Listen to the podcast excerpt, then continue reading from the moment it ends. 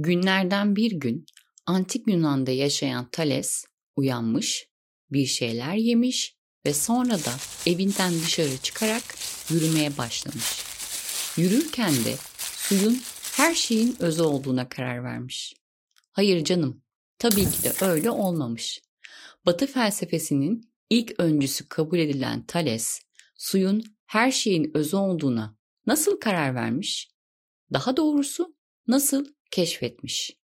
Evet, bu bölümde Thales'in hayatından, keşfetmek kelimesinin kökeninden, keşfetme itkisinin ne olduğundan, keşfetme sürecinin nasıl gerçekleştiğinden ve bir şeyi keşfettiğimizde nasıl hissettiğimizden bahsedeceğiz. Bakalım Thales suyun her şeyin özü olduğu yargısına nasıl ulaşmış? Thales'in yaşamı ile ilgili bilgiler sınırlı. Birçok alana ilgi duyduğu biliniyor. Birincisi gökyüzü. Evet, yanlış duymadınız. Thales'in astronomiye olan ilgisi oldukça fazlaymış. Gökyüzüne o kadar çok ilgiliymiş ki bilgilere göre milattan önce 585 yılında bir güneş tutulmasını tahmin ettiği söyleniyor. Dönemin bilimsel bilgilerini düşününce oldukça dikkate değer bir olay. Bu bilgi onun hem astronomi olan ilgisini hem de gözlem yeteneğini de gösteriyor. Bir diğer ilgi alanı ise matematik ve kendi adıyla anılan bir teoremi bile var. Matematik alanındaki ilgisi onun ticaret alanında da başarılı olmasını kaçınılmaz kılmış. Özellikle zeytinyağı ticaretinde kar elde ettiği bu alandaki ticari zekasının da dikkat çekici olduğu bilinen diğer bilgiler arasında. İlgi alanlarından sonra yaşadığı dönemdeki diğer filozoflarla arasına bakalım. Neler biliyoruz? Thales'in diğer filozoflarla olan fikir alışverişleri hakkında net bir resim çizmek mümkün değil. Kesin belgeler bulunmamakla birlikte onun dönemindeki diğer düşünürlerle etkileşim içinde olmadığını düşünmek ise imkansız. Bunun en önemli kanıtlarından biri de Milet Okulu. Thales bu okulun kurucularından biri. Doğal olarak bu okul Thales'in ve diğer filozofların fikirlerini paylaştıkları bir platform haline gelmiş olabilir. Onun öğrencisi olarak bilinen Anaximandros, Thales'in çalışmalarını genişletmiştir. Anaximandros, Thales'in suyu evrenin temel ilkesi olarak öne sürdüğü fikrine karşı çıkarak apeiron adını verdiği bir ilkeyi öne sürmüştür. Apeiron sınırsız, sonsuz ve belirsiz bir ilke olarak düşünülmüş ve evrenin temeli olarak kabul edilmiştir. Bu fikir Anaximandros'un Thales'in ilkelerine olan bağlılığının sorgulanmasına yol açmıştır ve aynı zamanda yeni bir perspektif getirmiştir. Matematiğe ve astronomiye olan büyük ilgisini de hesaba katarsak onun Sisamlı Pisagor'la fikir paylaşımları yapmış olabileceği düşünülüyor. Ancak bu bilgiler kesinlik içermiyor. Asıl şaşırtıcı bilgi Platon'dan geliyor. Platon, Thales'ten bahsederken onun sürekli yıldızları izleyen, dalgın, önündeki kuyuyu görmeyip kuyuya düşen birisi olarak anlatmıştır. Dalgın olarak tanımlanabilen bu filozofun en önemli keşifleri gerçekleştirmesi oldukça garip gelebilir. Thales tüm bu keşifleri nasıl yaptı? Bir şeyi keşfettiğini nasıl anlar insan? Öncelikle keşfetmek kelimesinin kökenine ve anlamına bakalım. Türkçe kökenli bir kelime olmasına rağmen aslında bir şeyin örtüsünü kaldırmak, açığa çıkarmak anlamına gelen Arapça kaşafa fiilinden Türkçe'ye keşif olarak geçmiştir ve keşfetmek fiili de bu kökten türetilmiştir.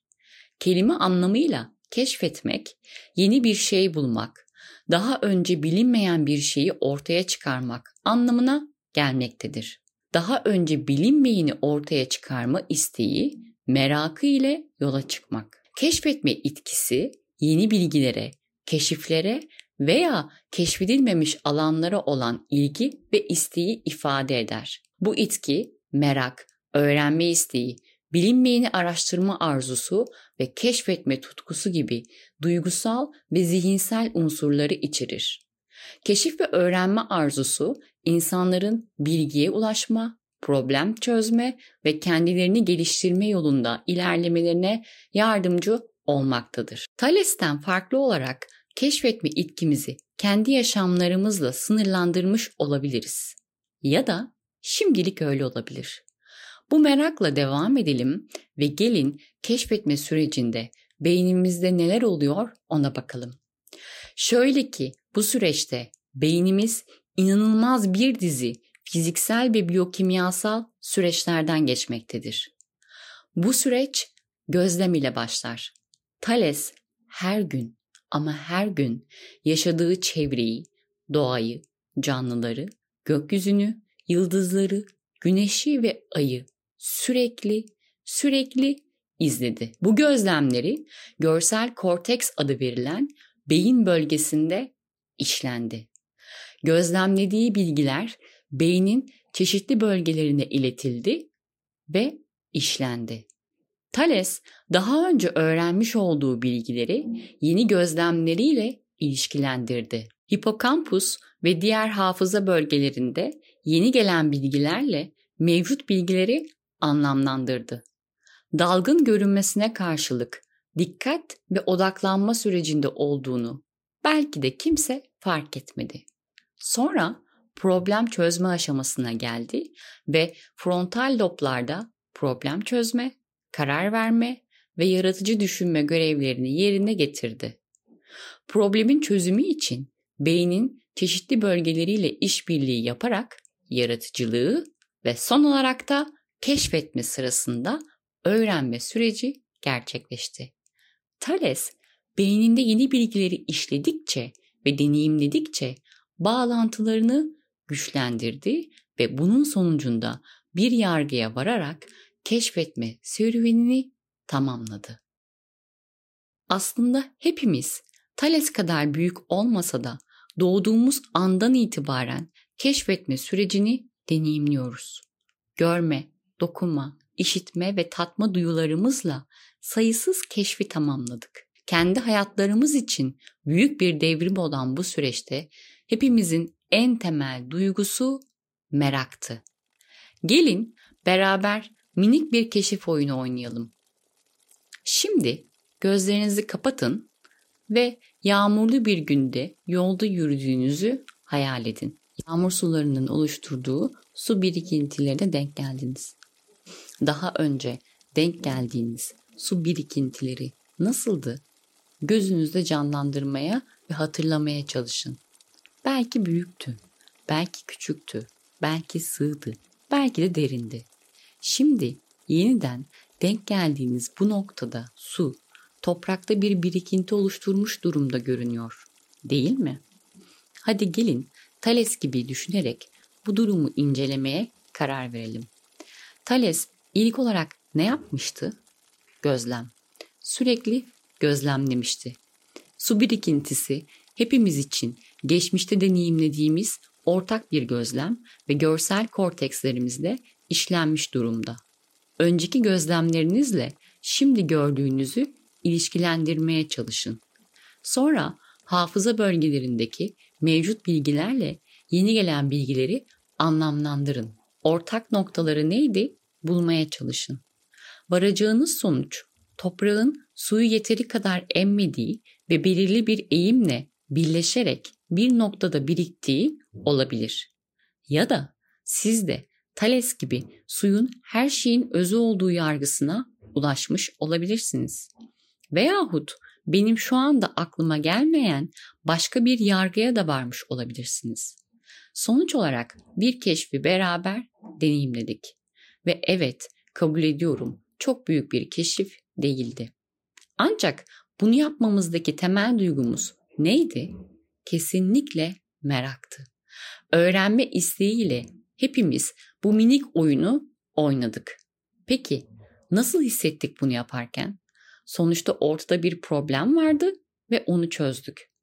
Ben de arkadaşım ChatGPT'ye insanın bir şeyi keşfettiğinde nasıl hissettiğini sordum. Hadi gelin Son olarak bir de buna bakalım. Onun bana vermiş olduğu cevap şöyleydi. Bir şeyi keşfettiğinizde genellikle merak, heyecan, mutluluk veya şaşkınlık gibi duygular hissedebilirsiniz. Yeni bir bilgi öğrendiğinizde bu sizi heyecanlandırabilir ve merakınızı tatmin edebilir. Keşfetmek genellikle insanlara yeni perspektifler sunar ve öğrenme sürecini arttırır. Yeni bilgiler ve deneyimler edinmek insanların hayata farklı bir bakış açısıyla yaklaşmasına yardımcı olabilir. Bu nedenle bir şeyi keşfetmek genellikle insanlar için heyecan verici ve öğretici bir deneyimdir. Bu duygular kişiden kişiye değişebilir. Keşifler birçok bilim insanının sadece araştırmalarına dayanmamaktadır. Yeni bilgilerle eski bilgileri birleştirerek daha da ötesinin merak edilmesiyle gerçekleşmektedir. Tüm bu süreç aslında bizi şaşırtarak hala devam ediyor. Gelelim bana. Ben Beyza. Ekotoksikoloji alanında doktora eğitimimi tamamladım ve 10 yıllık bir akademik geçmişim var. Benim için de keşfetmek itkisi hayatımda oldukça önemli bir alanı kapsıyor. Çalıştığım alan haricinde yeni bir şeyler öğrenmekten, bilgilerimi ve deneyimlerimi geliştirmekten büyük bir zevk duyuyorum. Herhangi bir konunun nedenini, nasılını ve niçinini araştırmak beni motive ediyor diyebilirim. Çünkü hepimiz bir şekilde bu hayatın içerisindeyiz.